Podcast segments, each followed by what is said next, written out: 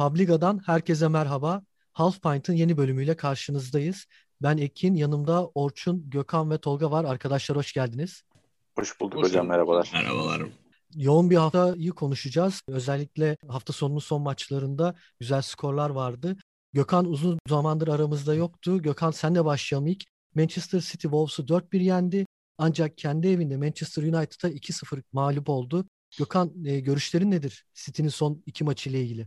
Yani galibiyet serisi bitmesi tabii ki çok güzel bir his değil ama bir, bir yerde sonu gelecekti. Bir maçlık bir reflekstir diye tahmin ediyorum. Çünkü çok böyle inanılmaz down olacak bir mentalite yok artık takımda. Öyle okumluyorum. Manchester United birinci dakikada penaltı golüyle öne geçti. Orada sonra oyunu tutmayı bildi. Tebrik ediyoruz kendilerini. Şampiyonluk yarışına dahil olduklarını ben hala düşünmüyorum. Çünkü fark daha önemli bir 11 puan, puan fark var şu an. Puan, önemli bir puan baremi var arada evet. Bu akşam tekrar Southampton'la maçı var Manchester City'nin. Bu anlamda iyi gelebilir diye düşünüyorum. Çünkü bu tarz yenilgilerden sonra oyuncular hemen maça çıkıp hani kafalarını dağıtmak, mentaliteyi değiştirmek isterler. Yani ilk sıfırlık yenilgi özelinde çok iyi bir performans sergilemediği doğru Manchester City'nin. Özellikle e, McTominay ve Fred'in ikili defansif orta saha markajından çok fazla verim elde edemedi İlkay ve De Bruyne özelinde. Kanatlardan da Van Bissaka'nın falan önemli bir savunma performansından söz edebiliriz. E, oralardan da istediğini çıkaramayınca gol bulamadı karşılaşmada ve 2-0 mağlubiyete sonuçlandı. Bir önceki maçta da Wolverhampton karşısında böyle hiç anlamadan 1-1 oldu maç. Ondan sonra çok yoğun bir baskıyla adeta bir 10-15 dakikada birbirden 4-1'e geldi maç. Orada da City'nin ne kadar korkutucu bir takım olduğunu tekrar görmüş olduk diye düşünüyorum. Cesus'un önemli bir performansı vardı orada. Mahrez hatta aralarında sayabiliriz. Mahrez bir süredir gerçekten iyi bir performans gösteriyor. City takımında ayın oyuncusu seçilmişti sanırım. Öyle bir paylaşım görmüştüm Instagram'da ya da e, Twitter'da şu an hatırlayamıyorum ama. Orada da kapanan takımları nedenli iyi açabildiğini artık Manchester City'nin şahit olmuştuk. Çünkü bu tür maçların sayısı böyle takımlar için gittikçe fazla hale geliyor ve bunlara bir çözüm üretmezseniz şampiyonluk yarışında yer alabilirsiniz. Ancak Pep Guardiola'nın sezon ortasından itibaren takımı dönüştürdüğü şekil hani sahte bek kavramıyla tanıştırması insanları, beklerden birinin orta sahaya evrilmesi, diğerinin orta hattına verdiği destekle beraber oyunu inanılmaz bir şekilde rakip sahaya yığmak ve oradan o baskıdan bir şeyler çıkarabilmek gerçekten bu takımın önemli bir meziyeti haline geldi. Önemli performanslar var. Agüero dedem sonunda sahalardaki yerini alıyor gibi. Yani kısmetse alacak yedek kulübesine kadar geldi. Oradan da sahaya atlar yakında diye tahmin ediyorum. Yani şimdilik bu takım şampiyonluk yolunda emin adımlarla ilerliyor. Söyleyeceklerim bu kadar. Transfer önerilerimi de ileriki dakikalarda paylaşabilirim. Evet, yani daha 10 haftamız var lig bitimine. O zamana kadar da birçok gelişme olacaktır muhtemelen transferlerle ilgili. Ama ben sana şeyi sormak istiyorum. Şimdi Wolves karşısında bir bir beraberliği Wolves yakaladıktan sonra gerçekten City çok iyi bastırdı. Mahrez olsun, Jesus olsun. Ama United karşısında bu işlemedi. Hani sence buradaki ana etmen neydi? Mesela şunu da söyleyeyim. Foden girdikten sonra Manchester maçında ileriye daha bir hareketlilik getirdi. Foden'ın oyuna geç alındığı çok söylendi. Sen ne düşünüyorsun bu konuda? Foden daha erken girebilir miydi? Orada etki yaratabilir miydi? Abi girebilirdi tabii ki. Hani şöyle söyleyelim. Sonuç alındıktan sonra bunun üstüne üç, yani birçok teori üretilebilir. Hani böyle olsaydı farklı olurdu falan diye. Tabii ki bunu hiçbir zaman bilemeyeceğiz ama o gün özelinde ne yanlış gitti onun üstüne konuşabiliriz. Dediğim gibi defansif olarak gerçekten önemli bir disiplinle sahaya çıktı Manchester United ve tabii ki 0-0 oynamakla 1-0 oynamak Manchester United'ın özellikle Big Six takımları karşısındaki dizilimini ve oyun planını hesaba kattığınız zaman arada önemli bir fark olabiliyor. Solskjaer bundan önceki City maçlarında da önemli kontra silahlarıyla beraber çünkü Manchester United'ın ileriki hani ileri üçlüsünü düşündüğüm zaman kontra ona çok yatkın isimler. Rashford, Martial gibi isimler. Bu maç özelinde David James. Çok atletik sprinter oyuncular. Böyle olduğu zaman şimdi arkayı ne ne ölçüde açacağınızı da biraz düşünmek zorunda kalıyorsunuz. Çünkü e, kontradan bu sefer çok daha tehlikeli bir takım haline geliyor Manchester. Önemli bir hani baskı kuruldu ileride ama bu baskı çok meyvelerini vermedi diyebilirim. Çünkü yerleşik bir savunma aşması zor. Dediğim gibi hani Van Bissaka'nın özellikle Luke Shaw'un da çok iyi bir performansı vardı. Hatta Luke Shaw'un Roberto Carlos capslerini falan yapmışlardı. Bayağı güldüm. Ama hakikaten Alex Teles geldikten sonra Luke Shaw diye paylaşmışlardı. Onun da önemli bir performansı var. Savunma hattı da çok hata yapmayınca özellikle o kalabalık tuttukları zaman ceza sahası içinde. Çünkü City oralarda paslaştığı zaman tabii biraz daha alan buldukça daha mahir oyuncular yeteneklerini sergilemesi daha kolay oluyor. Birazcık hani erken gelen gole birazcık o günkü üretimsizliğe bağlayabiliriz. Bundan çok önemli dersler çıkarmak gerekli mi bilmiyorum. Bir iki maç daha kendine gelirse Manchester City üstüne, yani üstüne çok fazla durmaya gerek yok diye düşünüyorum. Evet zaten 11 puanlık fark ve takipçilerinin de durumu ortada Manchester City'nin. O yüzden onu çok zorlayacak bir durum yok. Manchester United da bu galibiyetle ilk dörtteki yerini birazcık daha sağlama almaya başladı gibi gözüküyor. Çünkü eğer kazanamasaydı, mağlup olsaydı 51 puana düşecek ve dördüncülüğe gerileyecekti. Arkadan da West Ham'la e, takibinde devam ettirecekti. Şu an birazcık daha Manchester için iyi olmuş gibi gözüküyor. Tolga sen ne diyorsun Manchester maçıyla alakalı olarak? Ha, çok bir şey demeyeceğim ya. Gökhan bayağı detaylı analiz etti zaten. Sadece McTominay'e saygılar diyebilirim. Yani tek başına. Hani Fred bence bu maç o kadar etkin değildi. Van Bissaka hani Sterling'i biraz bastırdı. Okey ama onun dışında tüm orta sahaya karşı McTominay fiziğini muazzam kullandı ve bence çok etkiliydi yani. Çok güzel kesti orayı yani. Resmen Nuh'un gemisi gibi böldü orayı. Oradan geçirmedi arkaya yani. Çünkü izlemesi çok keyifliydi açıkçası. Yani hani tipik bu savunma takımlarının büyük takımlara karşı daha doğrusu top yapan takımlara karşı savunma o kadar kolay bir iş olmuyor. Dolayısıyla böyle oyuncuları seviyorum. İşte Tottenham'da Höbjerg mesela çok hoşuma gidiyor bazı maçlarda. Burada da McTominay bence çok etkiliydi. Galibiyetin %40'ını 45'ini yazarım sadece McTominay'e yani. yani. Çok bir şey değiştirmeyecek dediğiniz gibi yani hani puan farkı zaten bayağı var. Buradan hani City o kadar hata yapacak da United böyle bir şaha kalkıp gelecek falan çok ütopya yani. Dolayısıyla Solskjaer kendi şeyini arttırdı yani kalitesini ya da işte genel görünümünü arttırdı diyebiliriz. Ama işte çok lig için çok etkili bir maç yoktu. Ama öyle yani çok da uzatacak bir şey yok. Şimdi o zaman isterseniz Tottenham'a geçelim. Tottenham iki maçı da kazandı. Fulham'la karşı 1-0 galip geldi ve Crystal Palace'ı da 4-1 ile geçti. Bu iki maçta da Bale çok konuşuldu ama Crystal Palace maçında da en etkili isimlerden biri Kane'di. İki gol, iki asistle oynadı ve bana sorarsanız haftanın golünü attı Kane. Tottenham Crystal Palace maçıyla veya Tottenham Fulham maçıyla ilgili Tolga ne düşünüyorsun? Ya bu maçlardan önce geçtiğimiz hafta Bale'in ilk oynadığı maçtan önce hani bizim bu fantezi grubunda falan da çok konuşulmuştu. Yani hem şeyde UEFA son UEFA maçında Avrupa Ligi maçında hem de oyuna girdi. Fulham'dan bir önceki maçı hatırlamıyorum. West, West, West Ham maçında oyuna girdi ikinci yarı. Orada oynadığı bir 30 dakika Bale'in gerçekten hani böyle eski günlerini anımsatıyordu zaten. Nitekim oynadığı ilk maçta da hani iki gol bir asist falan yaptı. Evet. Ondan sonra Fulham yani Fulham ters takım. Hani o yeni hocalarıyla beraber o genç çocuk hakikaten bence önümüzdeki böyle bir 10 seneye dikiş tutturursan çok gerçekten leş takımların başına geçmezse bence gayet iyi bir hoca olacak. O izlenimi veriyor yani. Yani güzel maçtı ikisi de. İkinci maç zaten hani Kane şov yaptı. Yani Bale de gollerini attı ama Kane ayrı bir şov yaptı. Yine bu sefer sonun birkaç maçtır Bale'in yükselişiyle sonun bir düşüşü var. E, oyuna katkısı mutlaka var ama o Kane son uyumu biraz Kane Bale uyumuna Bale uyumuna dönüştü gibi. Evet. Yalnız ben bu galibiyetleri tek bir şeye bağlıyorum. Yani 3 maçtır savunma tandemi aynı. Toby Alderweireld ve Davinson Sanchez çıkıyor. Nihayet yani 105. haftada belirledi tandemini. 3 maçtır aynı tandemle çıkıyor. 3 maçtır kazanıyor. Belli olmaz Mourinho'nun işi. Bir sonraki maçı bozabilir. Yani bir şey diyemiyorum ama bence onun biraz etkisi var. Yani çok oyunu etki etmiyorlar tabii ki. Bunun farkındayım ama goy goy olarak söylesem de tandemin belli olacak abi. Zaten çok bir işin yok. Sen Tottenham'sın yani. ileride Bale'in var, sonun var. Hani tandemle o kadar oynamanın manasız olduğunu söylüyorduk biz. Umarım tandem konusu değişmez. Sürekli Höbiyerk'in yanındaki yanındaki ikinci orta sahayı değiştiriyor. Bir Endombele'yi evet. oynatıyor, bir Sokko'yu oynatıyor. İşte bu maç Harry Winks falan oynattı. vardı evet. Orada da muhtemelen bir noktadan sonra sabitleyecektir orayı da. İleri attı canavar gibi Lucas Moura pır pır arkada sahte on numara gibi böyle bir şeyler yapmaya çalışıyor falan. Etkileyici ya tuttum. Güzel yani futbol olarak. Hani canavar. Çok bir şey olacağı çok bir şey olacağını düşünmüyorum. Yalan Abi ama. Mourinho şey hani Bale mezardan kalkıp geldikten sonra e, bir Ali'yi de kazanır mıyım diye geçen hafta bir denedi ama o da golünü falan attı. Fulham maçında da golünü attı aslında. Aynen. Yani işte tandem ya biraz Tolga'ya katılıyorum. Hani çok fazla Mourinho bence nasıl diyeyim hani anlık sinirle değil de maçların özelinde çok karar almaya meyilli gibi. Hani mesela bir hata yaptığı zaman 3 hafta kesiyor topçu. Ondan önceki 5 hafta çok hani ortalama üstü bir performans verse de.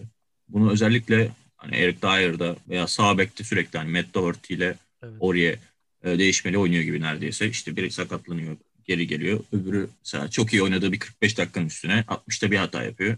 Sonra 3 hafta kesiyor falan. Bunlar benim çok aklıma yatan şeyler değil ama Showman Ee, ya. biraz- Showman başka bir şey değil. Showman işte. Çıkmış Şey- diyor ki defansif oynayan bir takıma karşı 100 gol atmışız. iyi değil mi diyor. Yani 3 Kö- maçta kö- 3 maç kötü. yani 3 maçta 8 gol attı diyor yani. Neyse. tam, tam Papiçilo ya o anlamda evet ya. Evet Ya ş- şeyi çok Ben- değişik bu kafası.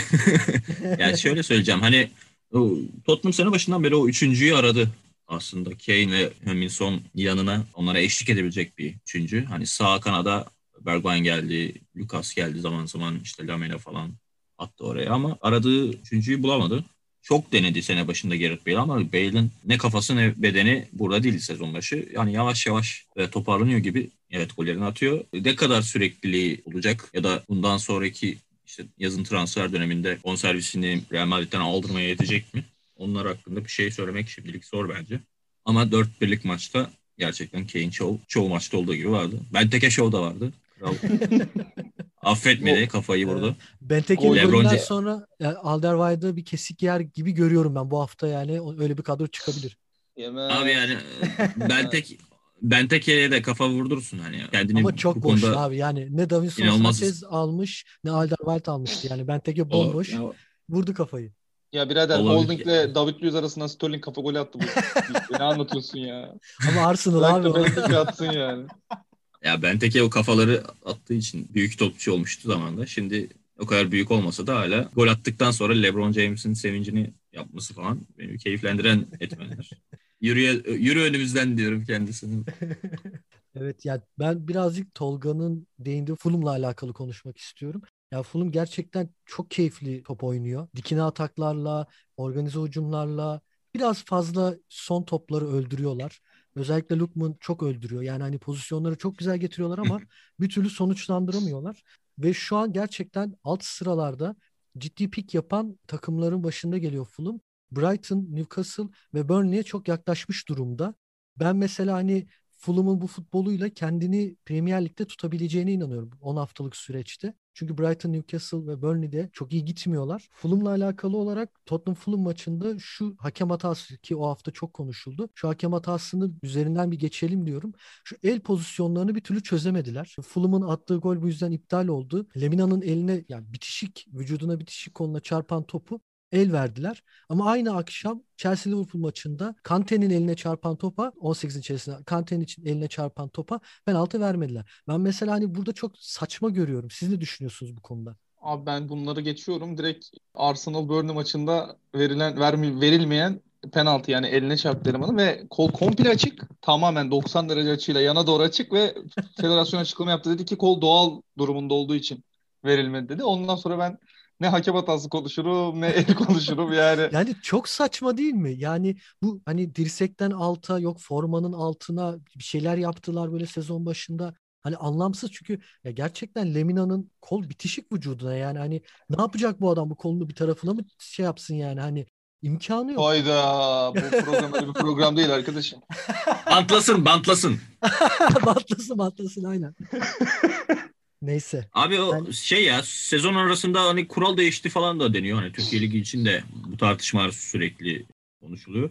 Ben hakikaten çok da fazla artık üstüne durmuyorum çünkü hani veriyorlarsa veriyorlar, vermiyorlarsa vermiyorlar. Bir çıkıp da öyle hakem hocası dinleme şeyimiz de olmadığı için çok fazla orada. Yani kolun bir ara şey dediler. Kol atıyorum 90 dereceden yukarıdaysa hani kol yukarı doğruysa tartışmasız penaltı çalınıyor. Bir yerden sonra kol vücudun doğal halindeyse gibi muhabbetlere giriyorlardı dediği gibi. Süre sonra şeye dikkat etmeye başladılar. Hani o da değişti sanırım artık. Vücuttan seken sekmeyen top. Bir yerden sonra şey muhabbeti devreye girdi. Atıyorum çok hızlı ve yakın mesafeden gelen pozisyonlarda Onu da el vermiyorlar artık. verip verip vermemeye durumları değişebiliyor. Yani çok fazla faktör var. Neye göre penaltı çıkıyor çıkmıyor artık ben emin değilim. Yani takip etmeyi bıraktım. O konu hakkında ben de çok yorum yapamayacağım ama Fulham hakkında biraz konuşabilirim. E, Kefeni yırtmak üzereler neredeyse. Özellikle Brighton'ın talihsiz e, sonuçlarından sonra düşme hattından kurtulmaya artık namzetler diyelim. 26, 26, 27 şu an 18, 17 ve 16. sıradaki takımlar. Ha, Brighton'dan daha büyük bir düşme adayı varsa o da şu an için Newcastle United. Gerçekten rezalet bir form dönemi geçiriyorlar. Hocaların da biraz yiyecekler gibi duruyor. Artık haber haberler ayyuka çıktı. Hocaya açıktan sallamalar falan başlamış. Takımın gidişatını iyi görmüyorum. Ama Fulham'da e, Scott Parker sezon başında çok farklı bir oyun deniyordu. E, Mitrovic'in pilot santrafor olduğu ve arkasında işte 3 ofansif orta sahanın yer aldığı bir diziliş deniyordu. Ondan sonra hani Mitrovic evet şampiyonşip için inanılmaz bir forvet ve gerçekten 20 küsür golle gol kralı falan oluyor. Ama işte oyununu Premier Lig'e adapte etmekte biraz zorlanan bir oyuncu. O yüzden diğer orta saha işte orta sahalardan forvet yaratmayı denedi. Oradan Lukman'ı devşirdi bir ara. Sonra bir ara Cavaliero'yu en enlerde kullanmaya başladı. Bobby Reid'i, Forvet Reid'i kanat beki olarak kullandı. Hani sürekli bir şeyler denedi. Coşmaca ile şimdi forvetini bulmuş gibi duruyor Fulham. Evet, evet. O da sansasyonel bir başlangıç yaptı. İki gol falan attı. Everton'u Ama 0'la geçtiler. Evet. Ondan sonra hani şu an için e, oynadıkları oyun hani biraz daha göze hoş gelebiliyor. Ama özellikle defansta önemli bir iyileşme var. Hani sezon başında tecrübesiz falan diye biraz burun kırılan Tosin, Ayna gibi oyuncular gerçekten defansı belli bir seviyeye çıkarmış gibi duruyorlar. Hani çok zor gol yiyen bir takım haline geldi Fulham. Böyle giderse de alt sıralardan kurtulmak için önemli bir şans yakaladılar gibi duruyor. Bu şansı nasıl kullanacaklar tabii ki o önemli. Evet Tottenham ve Fulham maçlarında bu şekilde geçelim. Şimdi sıra Chelsea'de. Tuhel'e önceki haftalarda zor fikstüre girdiğinde nasıl sonuçlar alacak onu merakla bekliyoruz demiştik. Chelsea Liverpool'u 1-0'la Everton'da 2-0'la geçti. Tolga ne diyorsun Chelsea'nin bu yükselişine? Valla Tuhal hocam akıyor ya. Yani Havertz'tan falan bile verim almaya başladı. Ben etkileniyorum açıkçası yani. O da bir tandem değişikliğine gitti. Üçlü tandemde Rudiger'i kesti. Zuma'yı falan oynattı son maç. Liverpool maçı yani bizden kaynaklı biraz da. Hani biz sağ olalım yani. Yok bu sene olmayacak belli ki daha bir hani oyun da göremeyeceğiz. Ben bir Şampiyonlar Ligi falan diyordum en azından ama belli ki o da olmayacak gibi. Sakatlıklar devam ediyor. Firmino gitti bu arada. Yani evet. ne bileyim artık yani. azaba döndü yani hani. Hakikaten kahretmeye döndü artık bu. Jota geldi kardeşim öyle deme. ya Jota geldi de yani olmuyor o da olmuyor artık. Valla yani Tuhal Hoca yani Chelsea üzerinden konuşmak lazım. Yani Liverpool hani çok dediğim gibi konuşacak bir şey yok. Hani o şey yenilgi falan pişmandan da değil. Aynı şeyler hani haftalardır çok değişen bir şey yok. Hani ne oyuna ekstra bir katkı var ne sonuçlarda herhangi bir değişiklik var. 6 maç oldu yani içeride yeniliyor falan. Böyle enteresan bir hal aldı durum.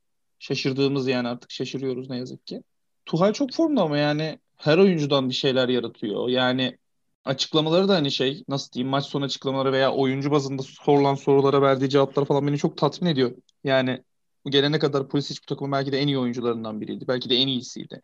Yani hem geçen senenin son zamanlarında verdiği performans hem bu senenin başında verdiği performans çok yeterliydi ve çok etkiliydi bence. Ben seviyordum bayağı en azından. Hani soruyorlar Pulisic niye oynamıyor vesaire daha çok şans verilemez mi diye.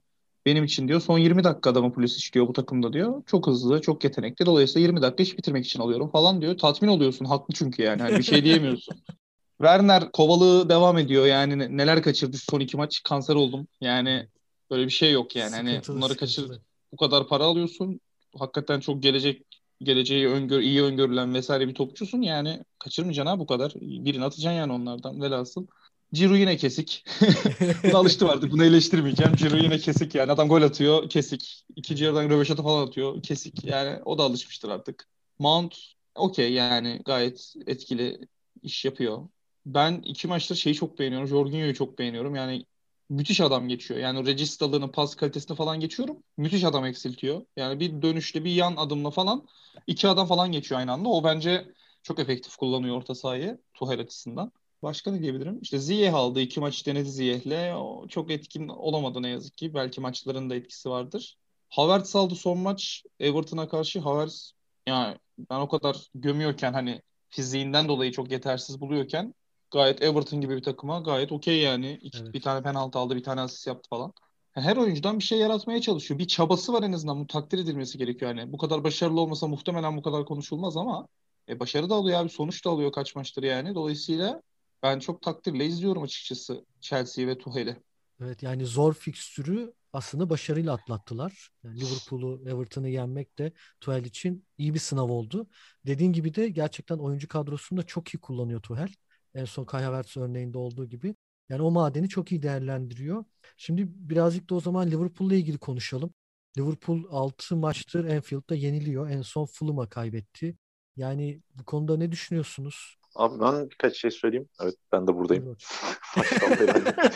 Buyur hoş geldin. Ekim buradayım abi ben.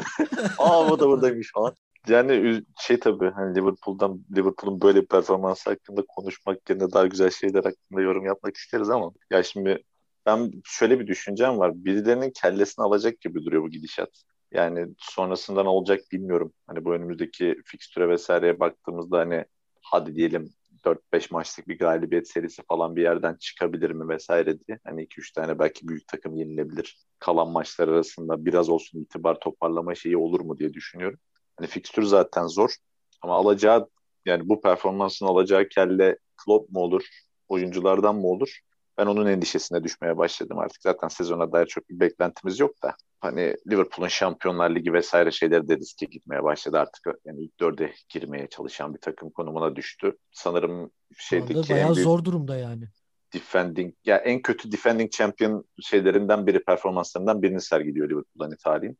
Belki yani Bursa Spor'dan sonra bir şey olabilir. Hani onunla yarışır noktada ben hani şeyi bekliyorum iki büyük yıldızdan işte Salah ya da Mane'den birinin artık transferinin konuşulmaya başlamasını bekliyorum yakın zamanda. Hani Klopp ya Klopp'un kellesi gidecek ya diğer dediğim bu oyunculardan birinin ya da birkaçının olur diye tahmin ediyorum. Ee, onun şeyi var. Yani Liverpool'a dair yorumlayabileceğim o sadece. Maça dair performansta şunda bunda hep aynı konuştuğumuz şeyler. Aynı taktiği yeni, deneniyor. Aynı şeyler deneniyor. Daha iyi deneniyor. Daha iyi yenileniyor falan. Öyle devam. Yani şaşırtan bir şey olmuyor. Değişik bir taktik yok. Değişik yani atıyorum Ozan'da mı problem var? İşte Davies oynasın ya da Wijnaldum. Yani stoperde bir değişiklik yapmanın da bir şey değiştireceğini zannetmiyorum. Orta sahada da zannetmiyorum. Şu an baktığımızda şey gibi hakikaten takım kangren olmuş durumda. Bir taktiksel bir devrim yapılması lazım. E, Klopp bu saate kadar yapmadı. Yapmayacak gibi de geliyor. Her maç aynı şekilde çıkıyoruz. Yani top oynayan bir Liverpool, gol atamayan bir Liverpool, demotive bir Salah vesaire böyle devam ediyor. Nereye kadar devam edecek göreceğiz. Umarım se- sezon sonuna kadar böyle devam etmez. Çok daha düşük sıralarda görürüz yoksa yani. Evet gerçekten sıkıntılı bir durumda. Liverpool'un bu gidişi gerçekten kötü. İlk dörde de biraz biraz uzaklaşıyor. Umarız e, hızlı bir şekilde takım kendini toparlar yoksa kötü sonuçlar bizi bekleyecek. Arkadaşlar bu haftalık bu kadar. Hepinize çok teşekkür ederim. Biz teşekkür ederiz. Değerli dinleyicilerimiz bu bölümümüzün sonuna geldik.